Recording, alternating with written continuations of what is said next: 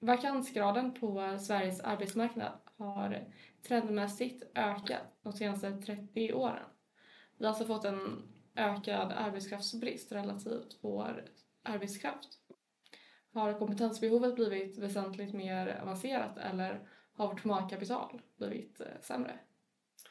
Ja, man kan ju se det som spegelbilder av varandra. Men man kan ju verkligen tydligt se Eh, i undersökningar från väldigt många olika håll att eh, matchningsproblematiken har tilltagit och då är det inte nödvändigtvis bara att, så att säga, personer ska flytta till ett ställe där det finns ett jobb utan det är att vi har arbetslöshet och samtidigt svårt att rekrytera rätt kompetens. Det syns i Företagarnas undersökningar, det syns i Svenskt Näringslivs undersökningar. Så uppenbarligen så är det att kompetensbehovet matchas inte av kompetensutbudet. Och eh, det ska vi prata om idag.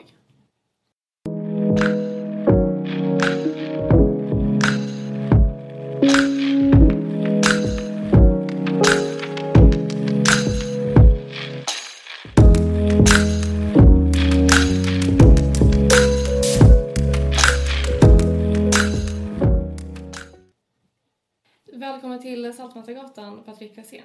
Tack så jättemycket. Du är eh, skattepolitisk expert hos eh, Företagarna. Stämmer bra. Eh, och det är ju mycket ypperligt för vi ska ju idag prata både om experter och de ekonomiska incitamenten. Ja. Och jag tänkte att vi skulle ta avstamp i det som kallas för utbildningspremien.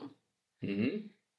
Det vill säga hur mycket det lönar sig att utbilda sig i Sverige i eh, en jämförelse med de andra OECD-länderna så rankas Sverige näst längst ner. Det vill säga det lönar sig nästan sämst i hela OECD i Sverige med utbildning. Eh, något av en ledande fråga, men är det här ett problem? Det är absolut ett problem.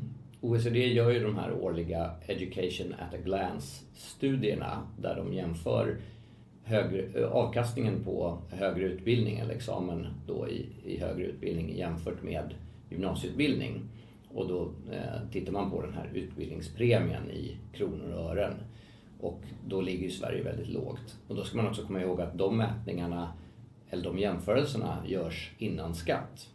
Så att vi har bland de lägsta utbildningspremierna på högre utbildning som också sen träffas av de näst högsta marginalskatterna i OECD. Så att eh, utbildningspremien efter skatt kan man hävda är ännu lägre. Och det är ju ett stort problem särskilt eftersom Sverige investerar väldigt mycket i högre utbildning, utbildning överlag. Jag kan säga att vi subventionerar anskaffandet av humankapital genom utbildning väldigt starkt. Men sen så straffbeskattar vi användandet av det. Vilket för en person som har ett val mellan att jobba eller driva företag eller liknande, att sätta sitt humankapital så att säga, till arbete i ekonomin eller göra någonting annat, ha fritid, så blir det ett negativt incitament, särskilt på marginalen. Och eh, vad får det för effekt på arbetskraften? Eh, jag tänker att det är ändå ganska många som går till universitetet och eh, nyttjar den delen. Effekten blir ju att högre utbildning ses mer som en konsumtion än en investering. Det kan man se genom att vi har en relativt hög snittålder för etablering på arbetsmarknaden efter, efter högskolestudier. Vi har ganska sent insteg i högskolestudier och ganska lång tid för att ta examen. Man har möjlighet att ha CSN under sex år och då är det många som drar ut på studierna. Medan hade man sett det som en investering då hade man försökt kanske att bli klar med sina studier, ta examen, komma ut i arbete och omsätta den utbildning man har fått i arbete och löneutveckling snabbare. Och i, om man har CSN i sex år, är det, hur såg det sig internationellt? Vi har relativt generöst studiemedelssystem. Delvis för att vi har en ganska stor andel som är bidrag eh, och sen har vi starkt subventionerade lån och återbetalningskraven är ganska låga. Det är en låg ränta på lånen och man kan betala tillbaka dem under längre tid. Det är svårt kanske att kvantifiera men man kan anta viss, med viss sannolikhet att studietiden blir en, ska säga, en sociologisk period i ens liv. Mm. Man eh, är i universitetsmiljö med andra studenter och alltså, så lever studentlivet.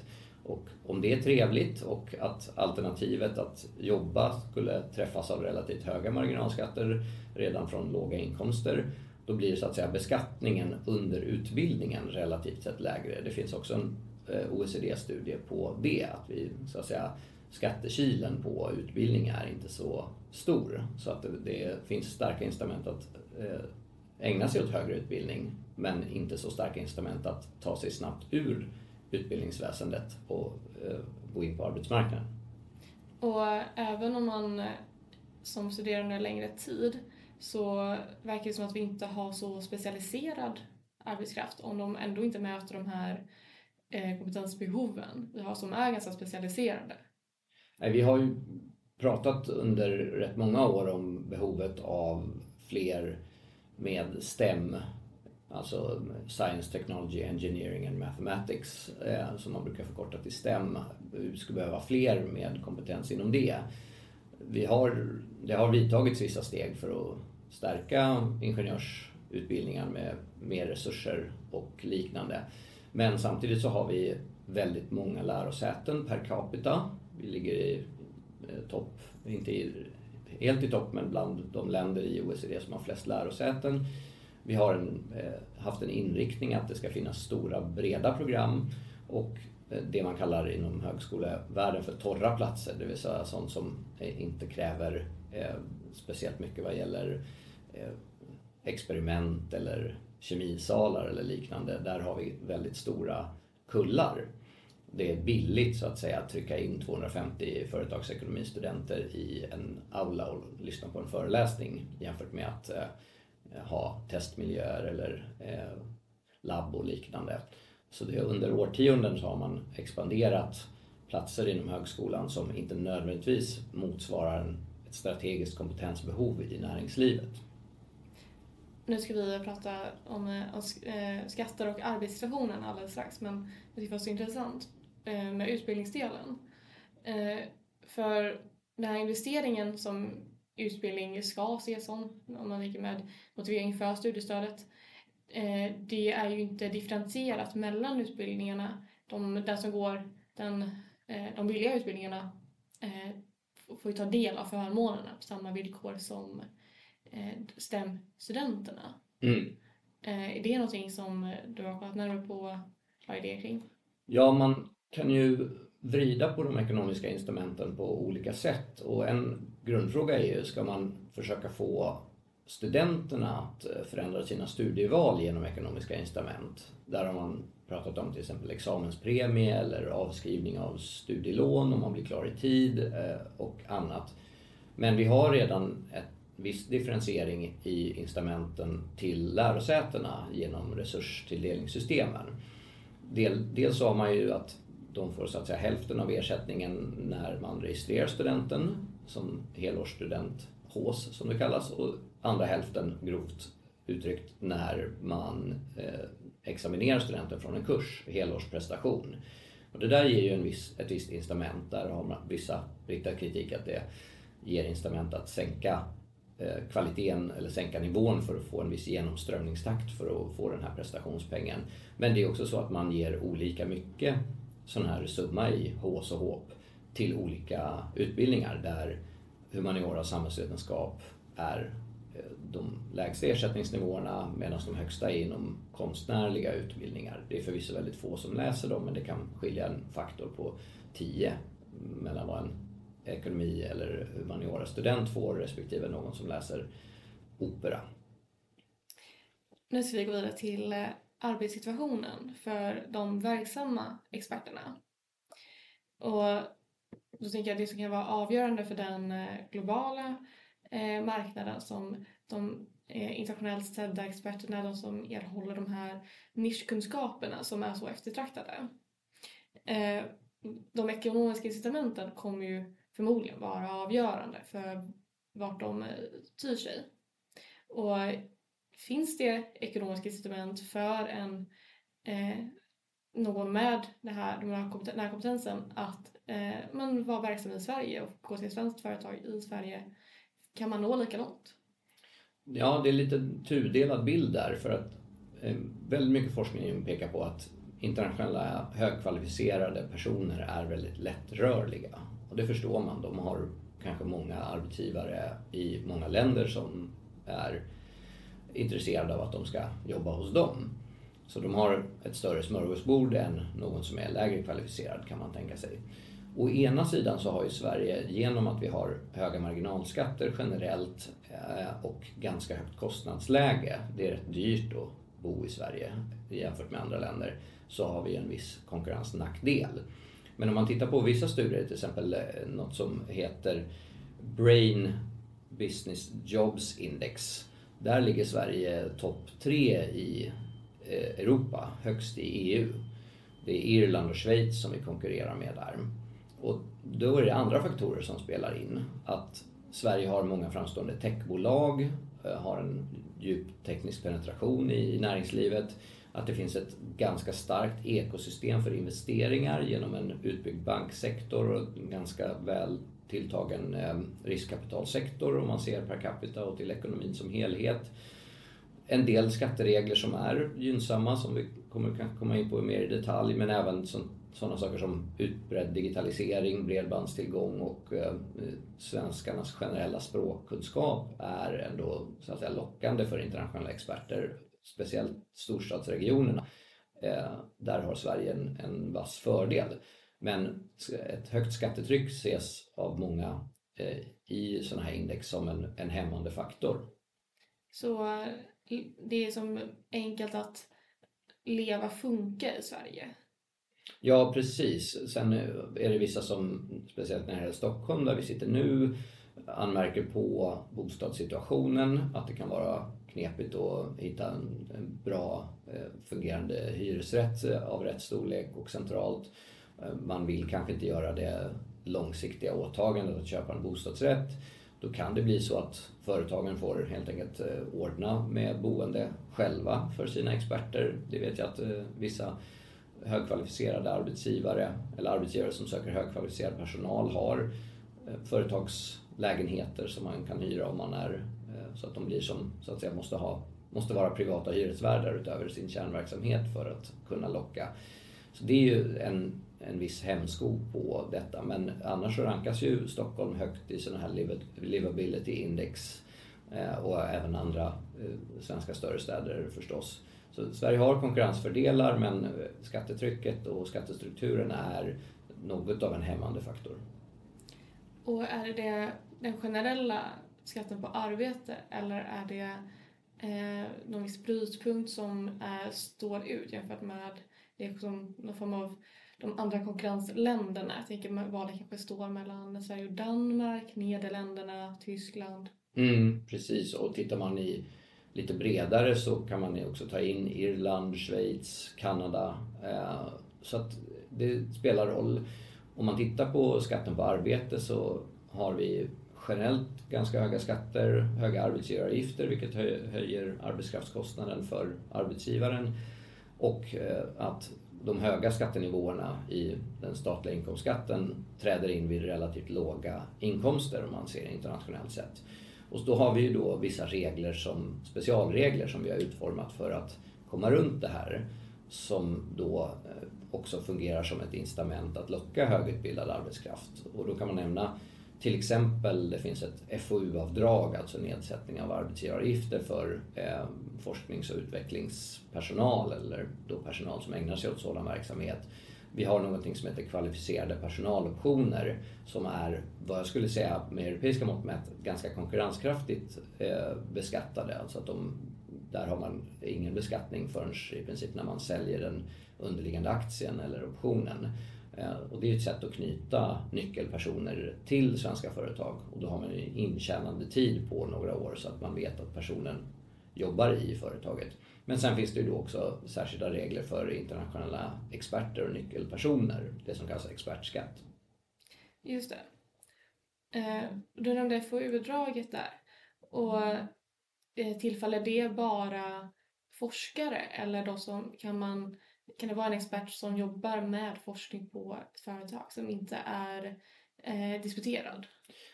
FoU-avdraget tar inte sikte på personalen utan FoU-avdraget tar sikte på själva aktiviteten. Det spelar inte så stor roll vilka som ägnar sig åt den i företaget utan det är den forskande och utvecklande verksamheten som man får den här nedsättningen för. Den har ju nyligen utökats, alltså det maximala FoU-avdraget per arbetsgivare har utökats från 600 000 till 1,5 miljon.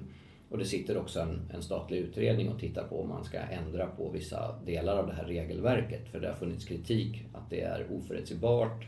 Eh, företag har fått återkrav för att Skatteverket har bedömt att det inte har varit tillräckligt tydlig koppling mellan deras forskningsinsats och en viss utvecklingsinsats. Och det finns också problem att man kanske inte vill lämna in affärskänslig information eh, som underlag till Skatteverket i sådana bedömningar för att det riskerar att bli publikt om det biläggs till Skatteverkets beslut som då är offentlig handling. Så det, det håller man på att se över. Intressant. Eh, för mycket av vår innovationer sker hos eh, företagen. Mm. Eh, till skillnad från akademin. Just det. Men jag tänker, för forskare är ju onekligen experter. Ja. Men kanske in, men träffas sällan av den här expertskatten har jag förstått det som. Precis, expertskatten är ju då eh, en skattenedsättning. Eh, enkelt uttryckt är så att 25 procent av lönunderlaget undantas från skatt, vilket sänker ja, marginalskatten. Så det, det, det är för, det är inte en extra skatt? Det är en, det Nej, precis. Det är inte en extra skatt på experter utan man skulle egentligen kalla det för expert skatteundantaget. Ja. Men, men det går gängse under namnet expertskatt. Eh, just det. Så det här avdraget eh, träffar de eh, företagen rekryterar utifrån? Alltså utomlands ifrån? Precis, alltså det finns en definition då.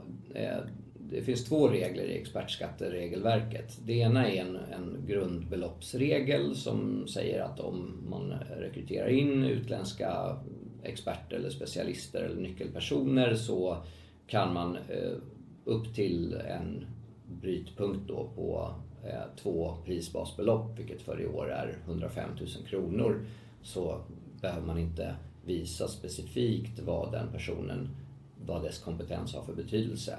Men om, man, om det är högre än så, då måste man göra en, eh, uppfylla ett kompetenskriterium och det är som i inkomstskattelagen definieras, då är det specialister inom tekniskt avancerad och kunskapsintensiv verksamhet, högt kvalificerade forskare och personer i företagsledande ställning eller andra nyckelpersoner. Så det är forskare ingår men det är inte begränsat bara till forskare. Och om man till exempel rekryterar en utländsk VD så kan det definieras inom den här expertskatten. Eh, men det, det är en ganska hö, högt belopp man måste nå upp till lönemässigt. Ja, det får man säga givet att forskare kanske inte nödvändigtvis eh, har månadslöner gängse på 100 000 och det blir ju också en eh, tröskel för företag. Då höjs ju deras arbetskraftskostnad.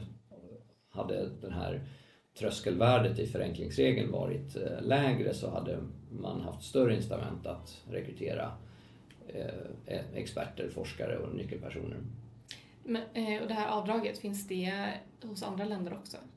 Ja, det finns i ett eh, antal länder. Eh, man har olika regler.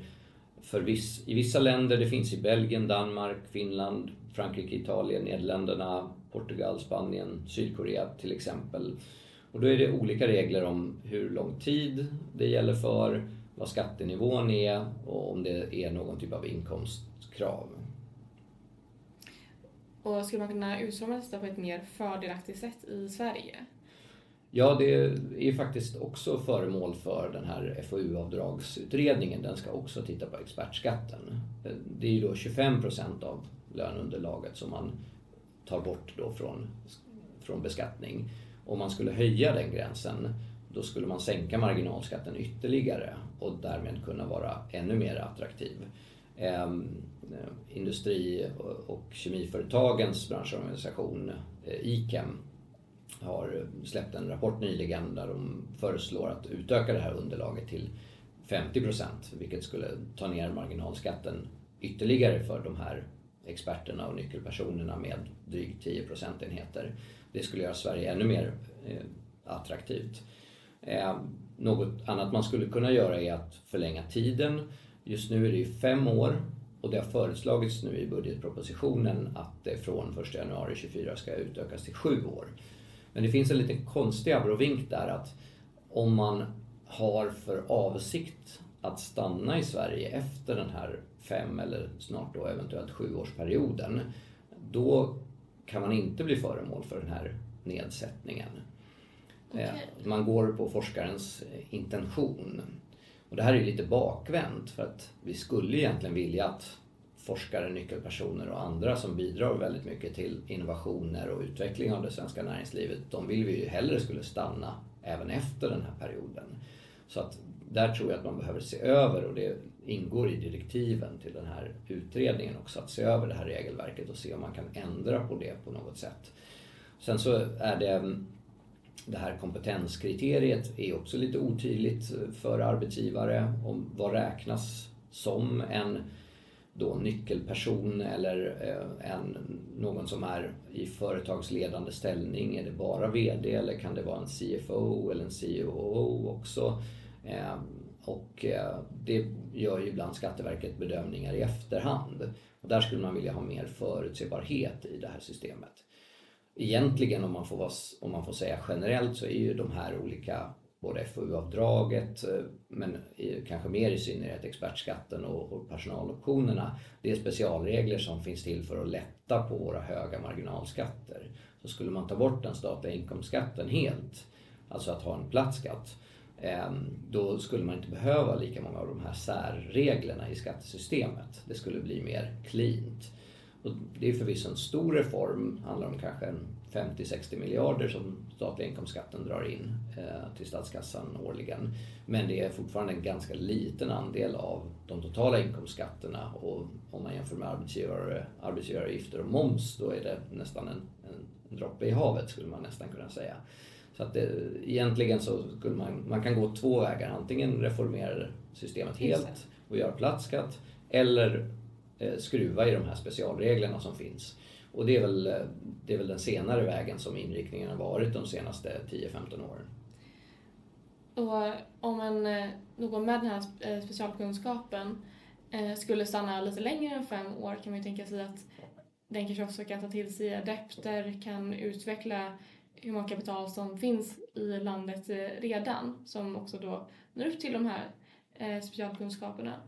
Mm, eller starta eget företag. Om man har haft en ledande position någonstans och vill göra någonting så är ju det ofta personer som besitter då nätverk, har haft kontakt med investerare och har egen kompetens. Så det kan ju även bidra till innovation genom nya företag, jobbskapande, konkurrens och eh, därmed ökad dynamik i svenska näringslivet. Så det, det är lite som också med internationella forskare vid eh, svenska lärosäten, eh, doktorander och andra, då borde man också uppmuntra dem att stanna kvar efter att de har gästforskat mm. klart.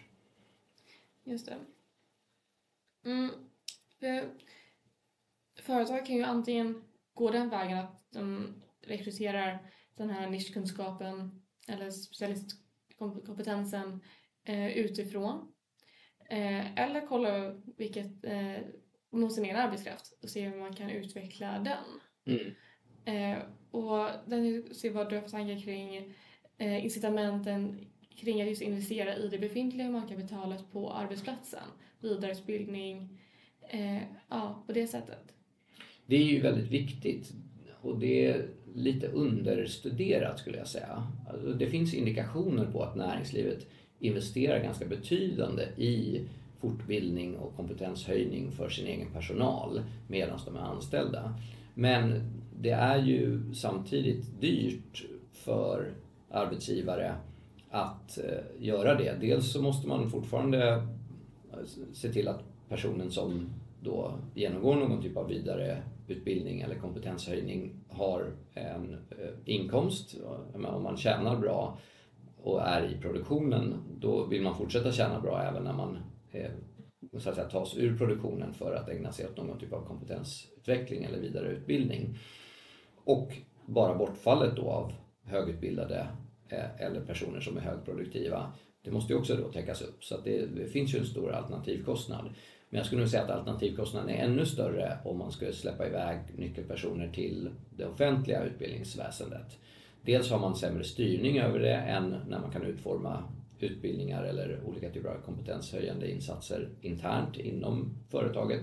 Och, ehm, och dels så kan man väl tänka sig att eh, incitamenten hos eh, producenten då, alltså en högskola till exempel liknande, inte är samma eftersom man har finansiering inte mm. från företaget eller arbetsgivaren utan från eh, det offentliga, från staten. Det finns ju en liten lucka i det här och det är det som kallas uppdragsutbildning. Alltså att Eh, högskolor och universitet kan eh, ta uppdrag från privat sektor att eh, utbilda. Men där uppdragsutbildningssystemet är ganska ja, svagt utvecklat i Sverige. Det finns lärosäten som har försökt satsa på det och sen fått dra ner på det. Man har haft separata bolag inom sin struktur på lärosätet som ska ägna sig åt uppdragsutbildning och att det har varit svårt för dem ofta att lyfta och jag vet exempel där man har försökt men sen behövt lägga ner det. Så att det, det, den säga, vägen tycks inte fungera eh, så bra som det kanske potentiellt skulle kunna. Men det är därför jag tänker att många företag väljer att göra det in-house än att eh, anlita ja. universitet och högskolor. Eh, avslutningsvis, om man rekryterar en forskare till ett företag från utlandet säg att det är en forskare från Hongkong eller Indien. Är det fördelaktigt för den personen att eh, ta anställning i Sverige jämfört med anställning i Nederländerna eller Danmark på en eh, kulminativ genomsnittlig nivå om man försöker göra en så här dragning inom levnadskostnad och eh, förflyttning, skatter?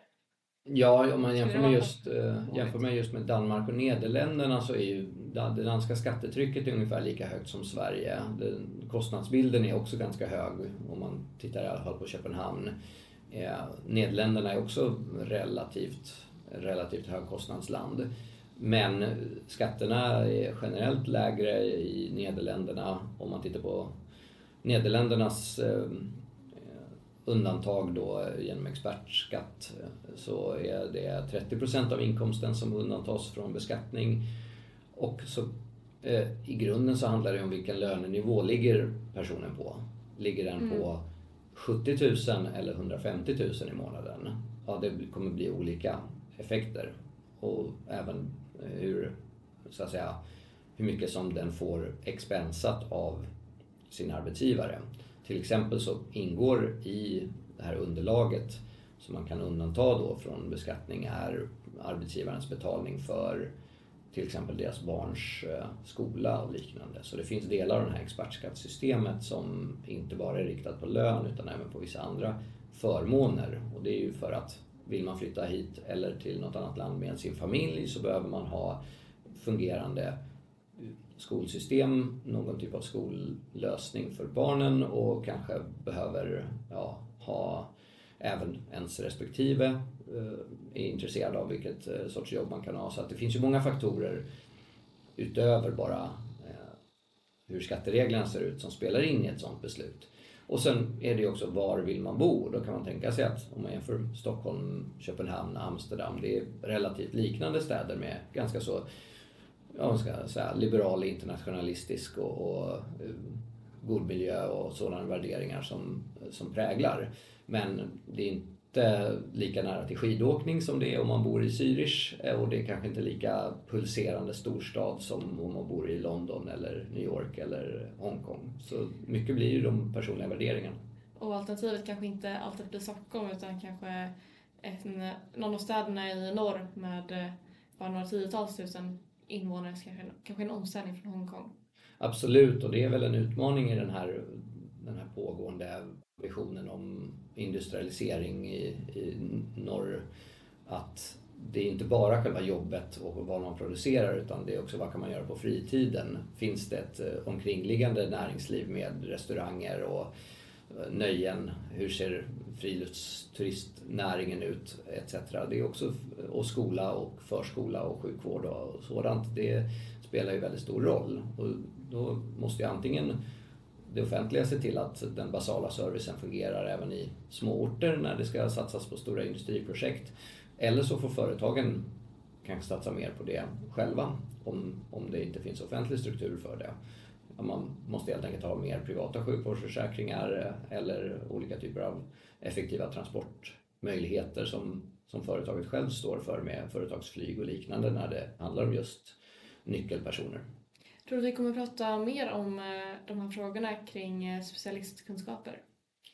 Det jag tror är att man behöver Eh, man behöver utgå från vilka spillover-effekter har experters arbete. Men man kan ju se då att den är, en person är högproduktiv och högkvalificerad och därmed eh, värd en, en högre lön kanske då.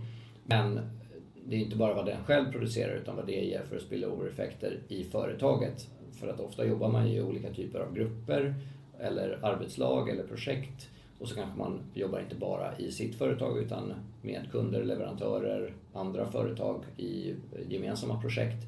Och då kan man ju eh, tänka sig att eh, ett syfte med att vilja locka internationella experter är att få sådana här spillover-effekter in till andra delar av näringslivet också. Så det behöver nog studeras djupare vad de samhällsekonomiska spillover-effekterna är av, eh, särskilt kanske av en minskad attraktivitet för experter. Vad är så att säga skadorna av att eh, en nyckelperson eller en expert väljer att eh, vara i Danmark eller Holland eller i Schweiz eh, istället för Sverige? Och det är det som är den, den bredare frågan när det gäller det här med internationell konkurrenskraft vad gäller kompetens. Att hur påverkar det den kompetens som finns hemma vid i Sverige och hur den sätts till bästa användning i, i näringslivet och för en växande ekonomi. Tack så mycket. Tack själv.